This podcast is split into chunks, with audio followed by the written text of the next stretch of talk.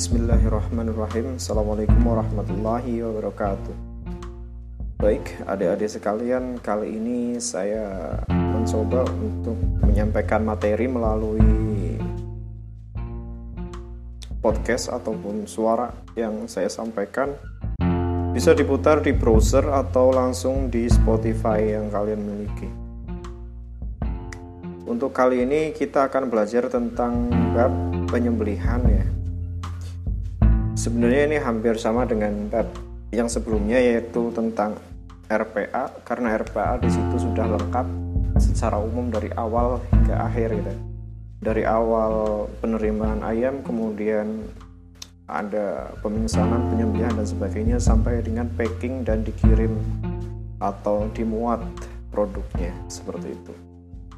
Kali ini kita akan lebih spesifik lagi, kita akan lebih detail lagi Mungkin ada beberapa tambahan terkait dengan materi sebelumnya.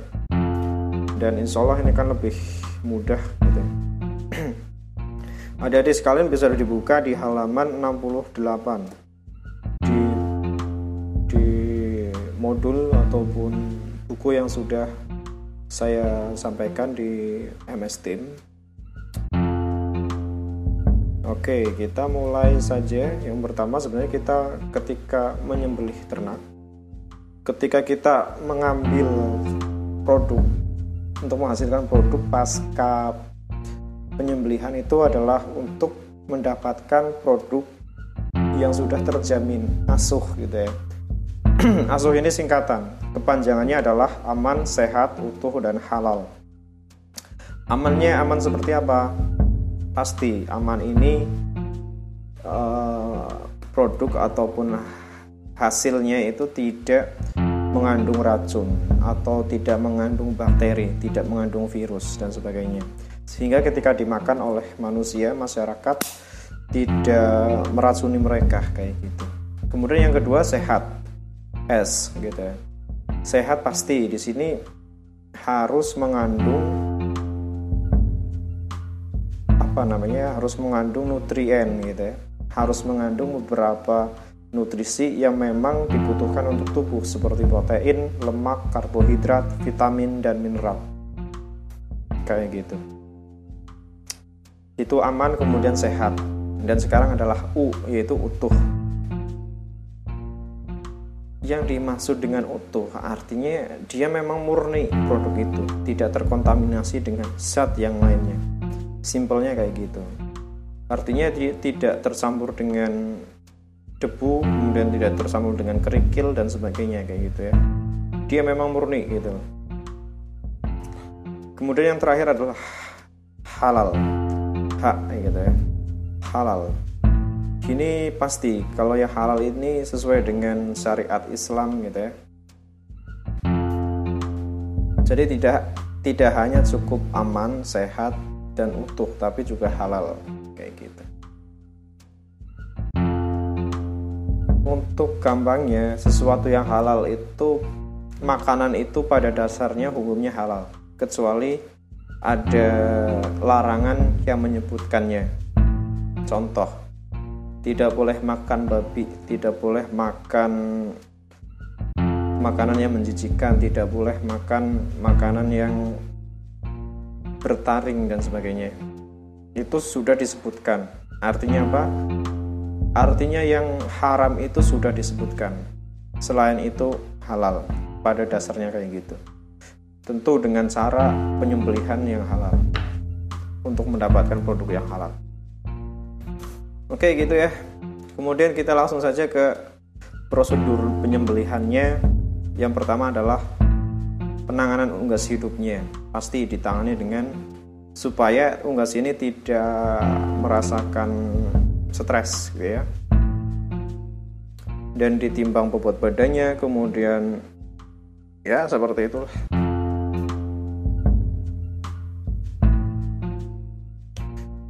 dipastikan ayam itu sehat sih sebenarnya karena akan berpengaruh pada kualitas daging yang dihasilkan nanti Kemudian setelah itu pemeriksaan antemortem. Ya, ini antemortem memang untuk memeriksa kondisinya. Antemortem. Kalian tahu postmortem? postmortem itu kan bedah bangkai gitu ya bisa diartikan bedah bangkai pos pos itu terakhir ante itu awal gitu. mortem itu pemeriksaan kesehatan kayak gitu jadi antemortem adalah pemeriksaan kesehatan di awal gitu ya, sebelum penyembelihan ya seperti itu dipastikan bahwa ayam itu sehat dipastikan bahwa ayam itu tidak mengalami stres, kemudian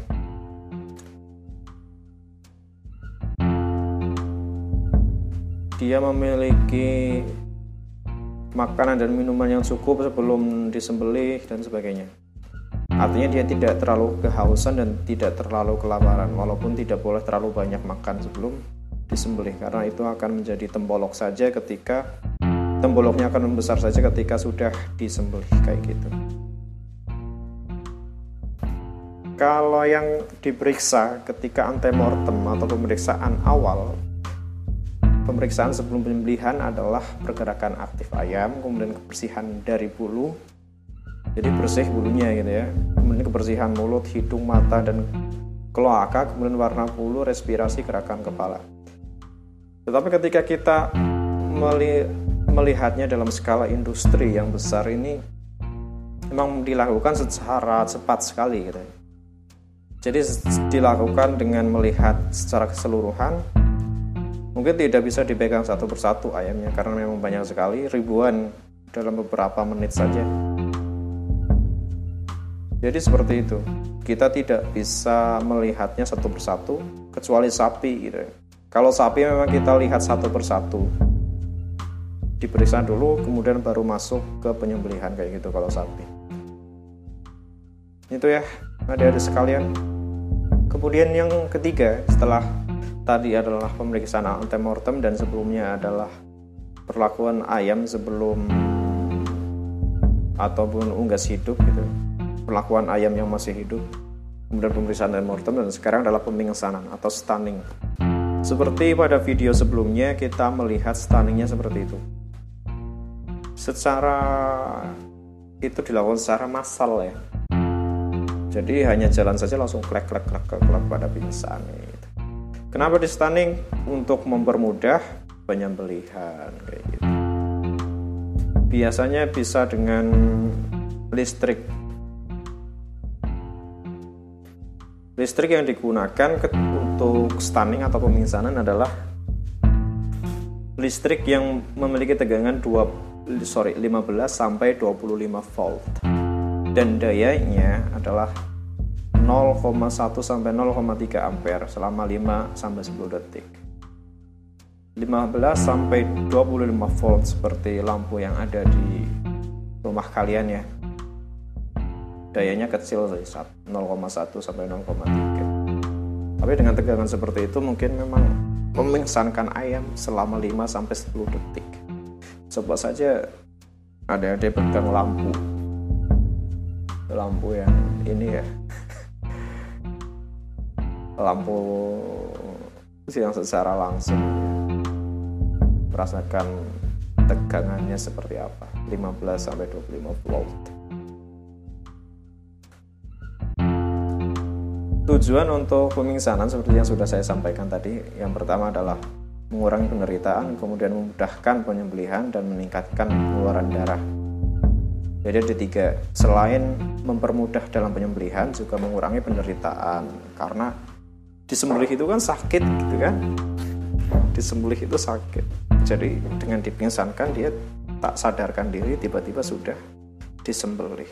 Kemudian dikeluarkan darahnya lebih lebih tinggi meningkatkan pengeluaran darah lebih dari 45% naiknya. Ketika tidak dipingsankan maka kurang lancar gitu ya dalam pengeluaran darahnya. Kriterianya itu ketika sudah pingsan itu leher dan sayap dia terkulai itu memang tidak tersadarkan diri, mata terbuka lebar dan kakinya kaku. Itu ciri-cirinya. Kemudian ini yang keempat yaitu penyembelihan atau slaughtering. Slaughtering. Oke, kalau penyembelihan ini sebenarnya pada intinya adalah uh, pemotongan saluran empat saluran pertama saluran makan kedua saluran nafas ketiga ada saluran darah saluran darah ini terdiri dari dua vena dan arteri. Simpelnya kayak gitu. Pertama saluran makan itu adalah esofagus kemudian saluran darah sorry belum darah ya. Uh, saluran nafas itu kerongkongan kemudian saluran darah itu arteri karotis kemudian vena jugularis ada empat ya.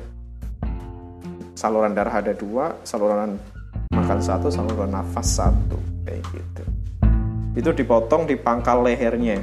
Jadi dekat dengan uh, tenggorokan atas gitu ya. Pangkal leher atas ya. Bukan pangkal leher bawah pangkal leher atas. Dipotong gitu.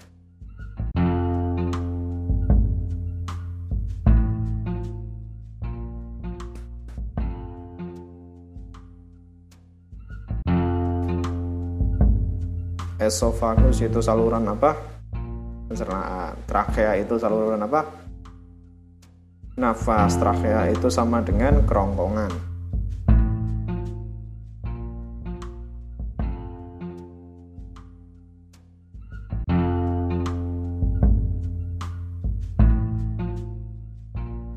Kerongkongan tenggorokan ya? Tenggorokan kayak jantung paru-paru tenggorokan. Ya tenggorokan. Trakea itu sama dengan tenggorokan. Sorry. Kalau darah itu berapa persen sih dari bobot tubuh? 4 persen ya. 4 persen dari bobot tubuh itu adalah darah. Kayak. Kalau air berapa persen?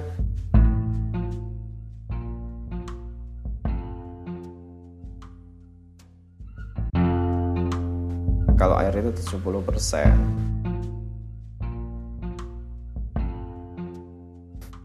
Pengeluaran darah itu sekitar 50 sampai 120 detik. Jadi sekitar 2 menit itu darahnya baru keluar sempurna ya. Oke kayak gitu. Kalau menyembelih jangan lupa. Sebaiknya enggak uh, sebelum itu kalau menyembelih itu yang pertama dia memang harus Islam. Kemudian yang kedua dia uh, sebaiknya menghadapkan kepala ke arah kiblat. Yang ketiga dia membaca basmalah yaitu bismillahirrahmanirrahim. Kemudian penyembelihannya itu dengan satu kali saja dan pisau jangan dulu diangkat ketika darahnya belum keluar habis kayak gitu. Yaitu di pangkal leher dengan pisau yang tajam paling tajam karena ketika tidak tajam maka itu akan sangat menyiksa gitu esek esek esek esek gitu kasihan.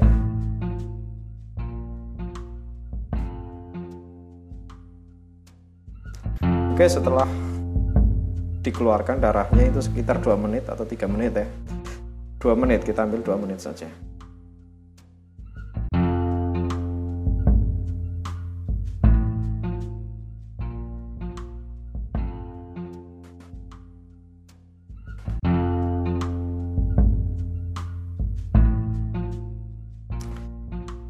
Kemudian ayam direndam ya dengan air panas setelah disembelih seperti dalam video itu.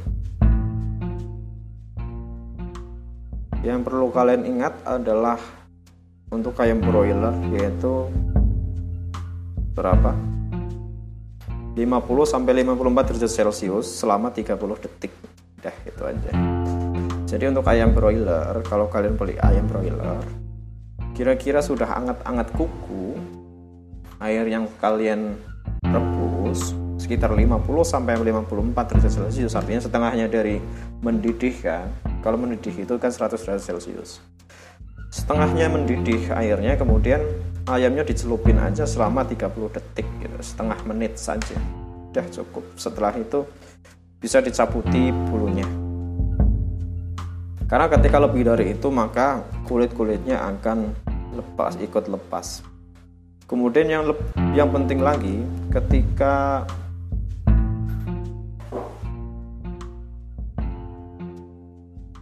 ketika unggas ataupun ayam khususnya sudah disembelih maka dia ada yang namanya proses rigor mortis. Rigor mortis itu apa?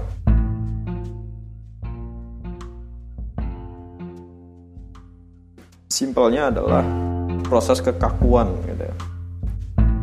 proses kakunya otot-otot pada ayam. Setelah ayam disembelih maka dia mati. Matinya itu setelah beberapa detik gitu kan. Atau mungkin satu menit dan sebagainya. Nggak langsung setelah disembelih langsung mati nggak kan. Pasti ada prosesnya. Nah dia menuju ototnya kaku itu adalah proses rigor mortis gitu. Kenapa nggak langsung kaku? Karena setelah mati masih ada energi atau yang disebut khususnya dengan ATP energi dalam tubuhnya sehingga energi yang di dalam tubuhnya itu digunakan masih digunakan oleh tubuhnya nih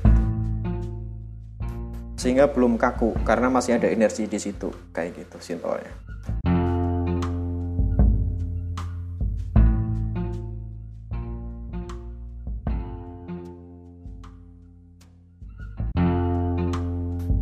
karena energi yang tersimpan yaitu ATP dalam tubuh itu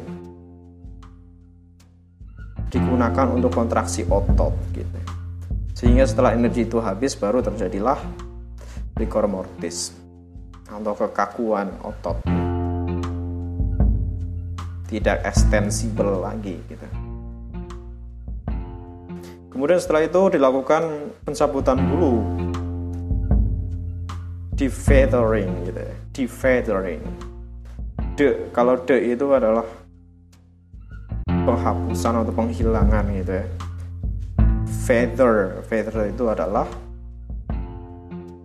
bulu bulu bulu feather. Defeathering itu karena tambah ing ada sebuah proses gitu ya. Defeathering yaitu proses penghilangan bulu biasanya dengan mesin pencabut bulu ya yang kalian lihat di mesin dicabut bulu ayam biasa itu adalah plucking mesin ya namanya. Dia ada jari-jarinya karet gitu ya dia muter plucking mesinnya kemudian ayamnya mau ikut-ikut muter sehingga uh, bulu-bulunya ketarik sehingga tersisalah badan ayam yang sudah tanpa bulu kayak gitu kira-kira. Kemudian dilakukan pengeluaran jeroan. Pengeluaran jeroan seperti yang kalian lihat di video juga bahwa pengeluaran jeroan itu dilakukan untuk memisahkannya dengan karkas gitu. sehingga untuk menghasilkan karkas pengeluaran jeruan itu dilakukan untuk menghasilkan karkas. Jadi jeruan ini dipisahkan, dibungkus sendiri, kemudian nanti tersisalah karkas gitu.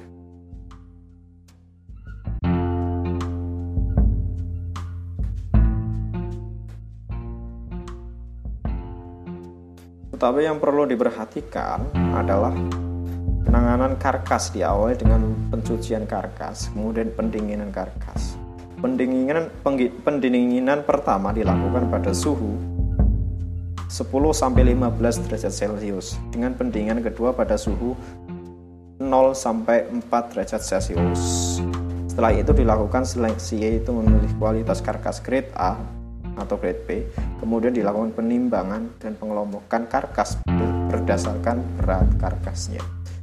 Ya, makanya di di situ ada penimbangan karena apa? Karena sesuai dengan grade-nya dia memiliki bobotnya masing-masing. Grade A mungkin bobotnya sekian grade B sekian lebih rendah gitu. Dan sebelum dilakukan uh, pengelompokan itu dilakukan pendinginan dulu yaitu 10 pendinginan pertama 10 sampai 15 derajat Celcius dan kedua itu suhu kulkas lah suhu kulkas itu 0 sampai dengan 4 derajat Celcius. Kemudian pengeluaran jeruannya ya adik-adik sekalian sudah tahu lah semua jeruan dikeluarkan tapi kalau mau tahu proses prosesnya uh, pengeluaran jeruan itu ada tekniknya sebenarnya ketika mau manual gitu. Yaitu dengan pengeluaran jeruan dimulai dari pemisahan tembolok dan trakea Oke, jari tembolok dan trakea dipisahkan serta kelenjar minyak bagian ekor Kemudian pembukaan rongga badan dengan membuat irisan dari kloaka ke arah tulang dada. Oke. Ke arah tulang dada. Kloaka dan viscera atau seruan dikeluarkan kemudian dilakukan pemisahan organ-organ yaitu hati dan empedu. Empedu dan jantung. Isi empedal harus dikeluarkan, demikian pula empedal dipisahkan dari bawah kolumna vertebralis, kepala, leher, dan kaki juga dipisahkan. Ya, seperti itulah kepala, leher, kaki juga dipisahkan. Kemudian uh, ekornya juga dipisahkan. Ekor yang saya maksud itu adalah berutu ya bahasa ininya. Bukan jeruannya dipisahkan dikeluarkan semuanya kecuali paru-paru atau atau bisa juga paru-paru dikeluarkan juga. Kalau pemisahan ataupun pemotongan bagian-bagian pemotongan bagian-bagian karkas itu ada yang 8 parting 8 kemudian parting 16 dan sebagainya. Itu adalah teknik kalau kalian menonton Master Chef. Itu kan ada teknik pemotongan ayam yang dilakukan Chef Renata gitu ya. itu ada teknik pemotongan ayam kayak gitu kira-kira kayak gitu. Yang bagian 4 gelap menjadi 8 bagian kayak gitu caranya menjadi 16 bagian. Kayak dibagi lagi artinya gitu loh. Kalau boneless tahu kan ya? Berarti boneless. Bone itu artinya adalah tulang. Tapi less itu artinya tidak ada ataupun kurang gitu ya. boneless artinya tidak ada tulang. Sehingga uh, sudah tidak ada tulang proses itu atau melakukan fillet kemudian setelah itu dilakukan pemeriksaan postmortem gitu ya. Postmortem tentu untuk menilai apakah produk ini bagus atau tidak kualitasnya. Itu sudah ada panduannya atau standarnya dari pemerintah. Melalui uh, surat keputusan Menteri Pertanian ya. Untuk memastikan bahwa itu layak untuk diedarkan. Kayak gitu ya. Kemudian dilakukan pembekuan dan penyimpanan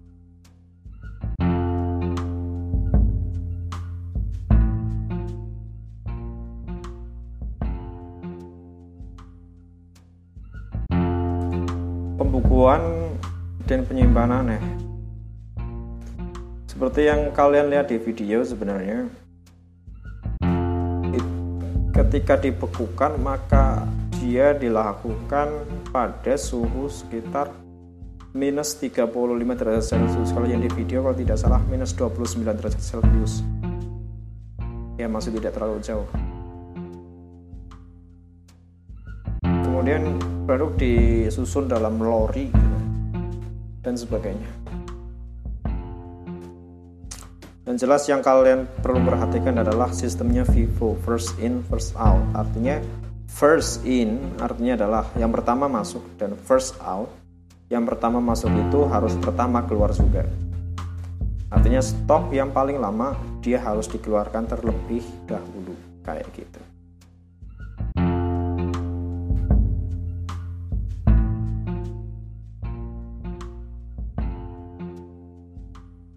kemudian ada beberapa hal yang um, merupakan definisi dari beberapa term atau istilah. Ini ada beberapa term yang kalian bisa lihat di halaman 79 silahkan dipelajari nanti akan saya keluarkan di soal ulangan dan juga soal UAS karena UAS sebentar lagi term itu 79 dan sampai dengan 80 itu tentang freeze burn kemudian kebersihan tentang memar kemudian karkas itu apa konformasi itu apa perlemakan itu apa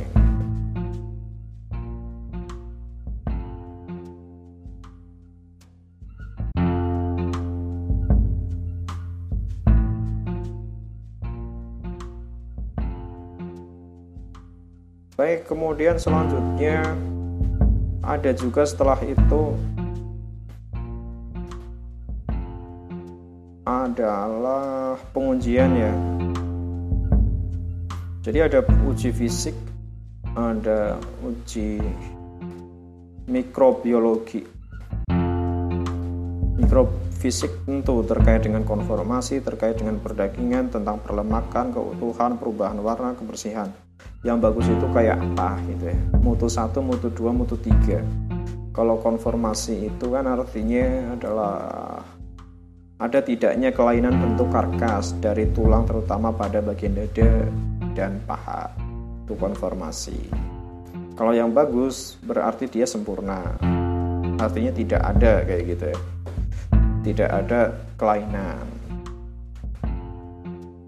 kalau perdagingan yang bagus maka dia tebal. Kalau perlemakan yang bagus dia banyak. Kemudian kalau keutuhan yang bagus dia utuh. Tapi kalau yang kurang bagus maka ada yang sobek mungkin kulitnya, kemudian patah tulangnya gitu. Kemudian perubahan warna mutu satu kalau ataupun yang bagus itu adalah bebas dari bulu tunas gitu.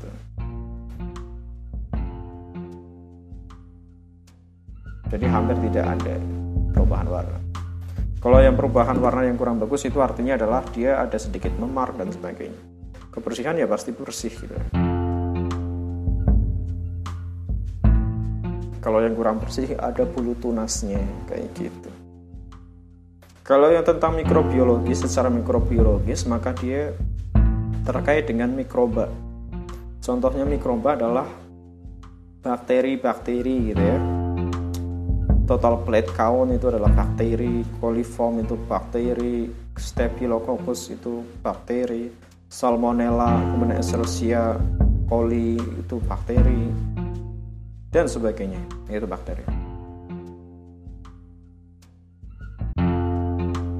Kalau fisik itu secara visual saja dan perabaan.